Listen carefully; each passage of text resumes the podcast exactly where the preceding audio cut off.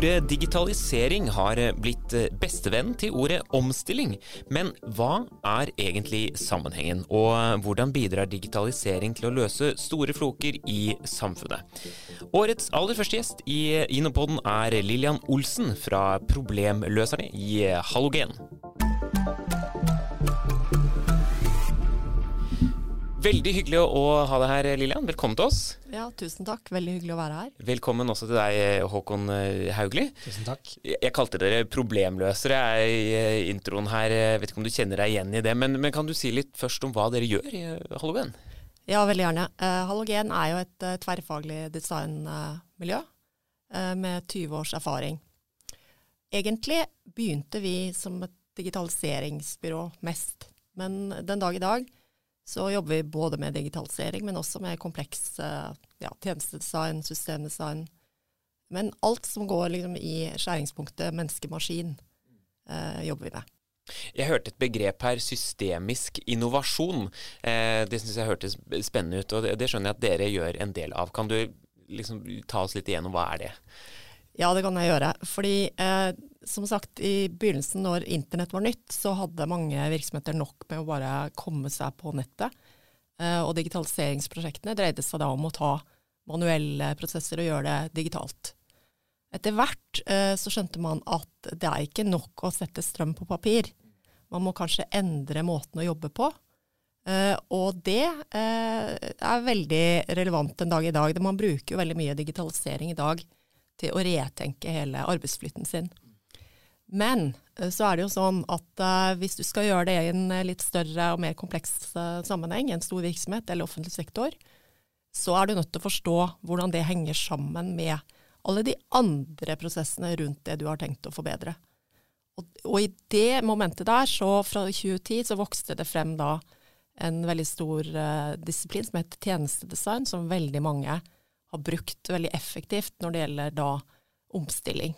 Uh, fordi tjenestedesign er veldig relevant å bruke når du skal forbedre en arbeidsoppgave, en arbeidsflyt. Og det gjør meg så nysgjerrig, Lilla. Sånn, er, vår verden og mange bedrifter er jo fulle av floker. Masse sammensatte problemer som griper inn i hverandre, og hvor løsningen ikke er åpenbar. Um, hvordan går man løs på Hvor begynner man en sånn prosess? Ja, Det vi har lært da, etter å ha jobbet med tjenestedesign som jeg nevnte i offentlig sektor, er jo at du kan jo faktisk lage en brukersentrert og mye bedre eh, tjeneste med, med, å designe den bedre. Men hvis ikke du er i stand til å kartlegge hvordan den endringen påvirker sammenhengen rundt, så får du kanskje gjort bare et pilotprosjekt eller gjort en liten endring ett sted i verdikjeden. Mens det du egentlig ønsker er jo å forstå ja, men hva hvis det er en endring der, hvordan påvirker det hele systemet. Har du noen eksempler på det? Ja, det har jeg. fordi i Norge så er vi så heldige at vi har veldig oppegående politikere som har brukt tjenestedesign i mange år for å løse komplekse problemer i offentlig sektor. Så KMD har vært sentral i å ta frem en, et nytt virkemiddel, eh, som er Stimulab-ordningen, som nå har fire års erfaring, eh, og hvor virksomheter i offentlig sektor får da hjelp og pengestøtte til å bruke design i å løse veldig komplekse problemer i da eh, problemstillinger hvor man har flere aktører som eier en problemstilling, eller et saksfelt sammen. da. Mm, jeg husker at du viste meg en gang en sånn, et sånt eh, kart da, over kompleksiteten i bosetting av flyktninger i Norge. Hvor det var liksom, jeg vet ikke, hundrevis av ulike aktører som var inne, og det var liksom mange kryssende kommunikasjonskanaler. og, og, og Oppgaven sånn tilsynelatende er jo ikke superkompleks. Det handler jo om å finne et egnet sted å bo for noen personer. Men det var blitt veldig komplisert fordi det var mange stakeholders og komplisert. Og det er vel et eksempel på en sånn type tilnærming. Man begynner med ja. sånn, brukeren, da, og hva er det han eller hun eller de trenger. Og så jobber man bakover. Mm. Ja, det er egentlig morsomt at du tar opp det eksempelet, for det var et av de første si, systemkartene vi lagde, som også liksom blåste oss helt av banen. Det var det boligsosiale arbeidet. da. Og vi kartla egentlig forvaltning av boligsosial politikk helt fra eh, Stortinget og helt ned til brukernivå. Og Det var liksom et, et uh, enormt komplekst kart som viste egentlig ansvaret mellom fem departementer, alle direktoratene helt ned på kommunalt nivå. Og når du så det kartet, så skjønte du jo at her er det mye som ikke henger sammen, og som ikke er koordinert. da. Og jeg husker Den gangen så løp jeg til KMD og bare la dem på bordet og si se her, nå har jeg funnet uh, tidstyvene. og jeg skjønte liksom ikke hvorfor de bare ok, rolig, hva skjer her? Uh, sånn, med årene så har jeg blitt klokere og forstått at de kartene de er utrolig viktige i forhold til å avdekke kompleksiteten. Men deretter så bruker i hvert fall vi på designsiden en, uh, et verktøy som vi kaller for systemdesign, hvor vi egentlig har skjønt at det er ikke den enkelte tjenesten eller produktet vi nødvendigvis skal designe, men vi skal designe samarbeidet for å få til endringen. Uh, og et uh, stort prosjekt vi har jobbet med i, i, flere år, er jo dette med vilkår for førerrett. Hvem er det som har ansvar for at faren din ikke lenger får kjøre bil? Er det politiet, er det helsevesenet, Vegvesenet?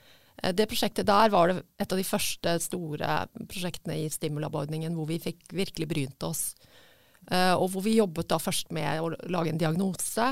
Så jobber man med gevinstrealisering. Og det som har vært bra med Stimulab, er at også designfeltet har vært eh, utfordra til å jobbe med management consulting og, og bruke da gevinstrealisering og foresight inn. Så systemisk innovasjon, eh, det kan også på en måte veldig påvirke deg og meg og måten vi lever på, rett og slett, da, i samfunnet. Hvis jeg forstår deg riktig? Ja, det er veldig eh, riktig. Og du kan si at det man har lært etter å ha kjørt eh, mange runder med Stimulab Stimulab har jo blitt en slags norgesmesterskap i design, så det er veldig attraktivt å søke midler her. er jo at eh, Man ser nå at regjeringen da har valgt livshendelser som viktig, et viktig mission at man skal gjøre digitaliseringsprosjekter, og man skal gjøre innovasjon i samfunnet rundt livshendelser. Så i den runden som er ute nå, så er det flere prosjekter som er um, eh, rigga sånn. Og livshendelse betyr jo at du da følger mennesket og brukeren da gjennom livet. Uh, så jeg tenker at det, det har vært uh, veldig effektivt å se hvordan de har hatt det uh, nå med seg inn. Også i de nye prosjektene som også har en sånn mission-komponent, som er da det som kom for fullt nå via Eh, det som skjer i EU. Vi sier jo at digitalisering, omstilling, alle disse tingene de skal være med på å løse store samfunnsutfordringer. Eh, det er mange av dem eh, antageligvis, og noen større enn andre. Hva, hva tenker du er de største samfunnsutfordringene som digitalisering kan bidra til å løse akkurat nå? Ja, det, jeg tenker Man må gå tilbake til ordet digitalisering. Det er veldig mange som fortsatt tror at det er et sånn IT-prosjekt. Og det er det jo ikke. Altså, i, da vi starta opp, så var det jo snakk om som jeg sier, å lage da, en digital flate mot det som tidligere var en, kanskje en manuell flate. Eh, og så brukte man enormt med energi på svære liksom, one-off-prosjekter. Det tunge saksbehandlingssystemet kosta hundrevis av millioner. Og fra man hadde begynt å planlegge det prosjektet, gjerne med liksom, hva slags plattform skal vi ha, til det var ferdig, så var jo teknologien utdatert. Eh, den dag i dag så er det jo ikke sånn. I dag er det sånn at eh, digitalisering er en del av omstillingen som du må gjøre til enhver tid. Og med da fremveksten av AI og ny teknologi, så vet vi at hele arbeidslivet, alt vi gjør i dag, eh, kommer til å forandre seg hele tiden. Så omstilling i dag er digitalisering. Derfor så er det på, det er på ledergruppe eh, topplisten av prioriteringer i alle virksomheter vi er inne i. Men det er jo sånn fortsatt at noen ganger så trenger man bare å lage en, en, en, fla, en brukerflate som fungerer. Og i Halogen så jobber jo vi med, som jeg nevnte innledningsvis, dette med menneske-maskin-skjæringspunktet. Eh, hvor vi er egentlig opptatt av å forstå hva du egentlig vil med digitaliseringen, før du begynner å fokusere på hva slags teknologi du skal ha. Og det gjelder jo også hvis du skulle kunne tenke deg at eh, du skal se på eh, skjæringspunktet mellom leverandører og kunder. Eh, hvordan skal du forbedre en kundeopplevelse? Og da, da, vil jo digitaliseringen være med både å gjøre hele dialogen mellom deg og kunden mer effektiv. Og ikke minst dette med hvordan tar du data og gjør om til beslutningsstøtte. Vi har jo eh, gjennom årene også utvikla et eget metodeverk innenfor det sikkerhetskritiske domenet. da. Og der digitalisering er liksom spørsmål om liv og død. Hvordan støtter vi operatøren eh, i en, eh, en, operasjon som kanskje har et kort tidsvindu? Så, så, vi har i vårt selskap eh, hele tiden jobbet da med mennesket i sentrum, og støtte mennesket mer og mer etter hvert som teknologi eh, vokser frem. da. Håkon, hva betyr dette eh, for eh, bedrifter i Norge eh, egentlig? Altså, er det et marked som spinner ut ifra dette med at vi skal digitalisere? Absolutt. Den metodikken er jo overførbar også til næringslivet. Men jeg tenker også for oss som virkemiddelaktør, da, særlig langs to dimensjoner. En er eh, metodeutvikling internt hos oss. altså Her er det mye å, å, lære i måten man nærmer seg en utfordring, framfor å ta bitene hver for seg. Greie å løfte det eh, tilbake og se ok, disse bitene henger sammen. Det andre er behov for utvikling av nye virkemidler. Hvordan kan vi få denne kompetansen inn i relevante prosesser, både i næringslivet og i offentlig sektor. Og hvor Stimulab er ett eksempel da, på, en, på et program, men hvor vi åpenbart har behov for mer av det. Og jo, litt klisjé, men altså verden blir mer komplisert. Mange av, mange av de store utfordringene vi, som angår oss veldig direkte i våre liv, er ikke løsbare gjennom enkelt tiltak eller enkeltgrep, de er gjensidig avhengige. Altså klima helt åpenbart at det er, eh, krever en systemisk tilnærming, men også sånne ting som nå. Vi kommer til å få et behov for sysselsetting i Norge. Samtidig vet vi jobber forsvinner. Hvordan skal vi møte en sånn utfordring med, på en klok og balansert måte? Det må ta utgangspunkt i brukerne, eller si innbyggerne, da, og våre behov. Og hvordan tenke og anvende metodikk for det. Og det Her kommer jo Innovasjon Norges rolle inn, da, både det vi gjør på finansieringssiden, det vi gjør på kompetansesiden, på nettverk, klynger osv. Så at dette er et marked for altså Norge er jo langt kommet på noen områder når det gjelder digitalisering. Det er verdt å minne om. Samtidig så er det slik at vi har en lavere grad av adopsjon av digitale løsninger i industrien enn land det er grunn til å sammenligne oss med, og vi har ikke lykkes med å skalere opp digitale selskaper da, i, mm, på samme måte som våre naboland f.eks. Og det reiser et liksom grunnleggende spørsmål. Vi, henger vi litt igjen i den første digitaliseringsbølgen hvor det handlet om å sette strøm på manuelle prosesser? Fordi vi har hatt god råd, så har vi gjort det på den måten, framfor de som på en måte har kniven på strupen i mye større grad enn oss, og som er nødt til, å, eller gjennom disrupsjon, altså skjer det bare at det kommer noe nytt. Og det tenker jeg er en sånn eksistensiell refleksjon verdt å dvele litt ved. da. Ja, for når vi snakker snakker om industrier, så er vi veldig fort inne i sånn ok, du har en industri, og så har du en leverandørindustri, og så er det ringvirkning. Tenker du Lilian, at det er en sånn tankegang vi må bort ifra når vi snakker om digitalisering og, og muligheter for norske bedrifter innenfor det? Ja, jeg tenker det. Men uh, først vil jeg si at vi kan være stolt av det virkemiddelapparatet vi har, for det er meget bra. Det er mye riktig som blir gjort. Uh, men jeg har jo engasjert meg litt i den virkemiddelgjennomgangen Eh, og OECD har jo allerede for flere år siden pekt at eh, Norge mangler da eh, virkemidler for å jobbe på det systemnivået. da. Men når jeg sier systemvirkemiddel, så er det et virkemiddel som ikke er bare penger. Og så er det først og fremst et virkemiddel som innrettes rundt å løse et problem, og ikke nødvendigvis hjelpe hver enkelt bedrift eller virksomhet med eh, markedsavlastning. Og da har vi jo en liten utfordring ved at de fleste virkemidlene vi har i Norge i dag, de er jo egentlig innretta på mer mot uh, klynger eller virksomheter som da har et problem de skal løse. det, det, er en gammel og god tradisjon. og det, Jo smalere problemstilling du har, jo større sjanse er det egentlig for å få midler da. Uh, så det vi har etterlyst, da er jo i tråd med at vi nå etter hvert har fått større problemer som vi er avhengig av at virksomhetene ikke kan løse alene.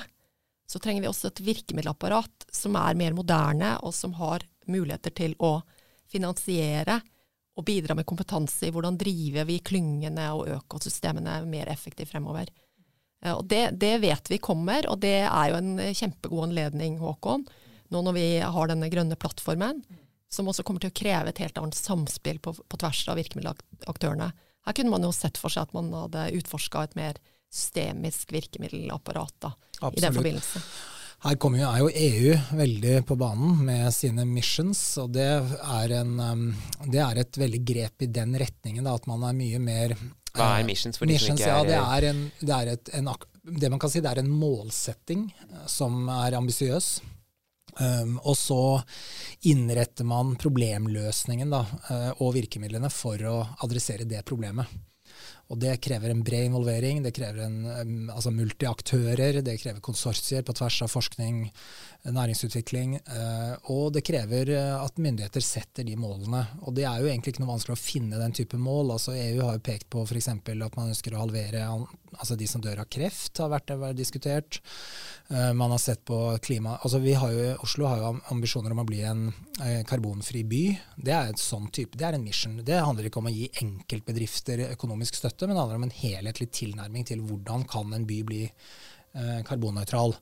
Så det er eksempler på det. Og det innebærer for oss da, som virkemiddelaktører at vi må um, tilpasse vår portefølje og måten vi jobber på. Så jeg er veldig enig i det du sier, Lilian. Jeg tror det er helt rett. Og så må vi sørge for å fase inn og fase ut da, på en god måte.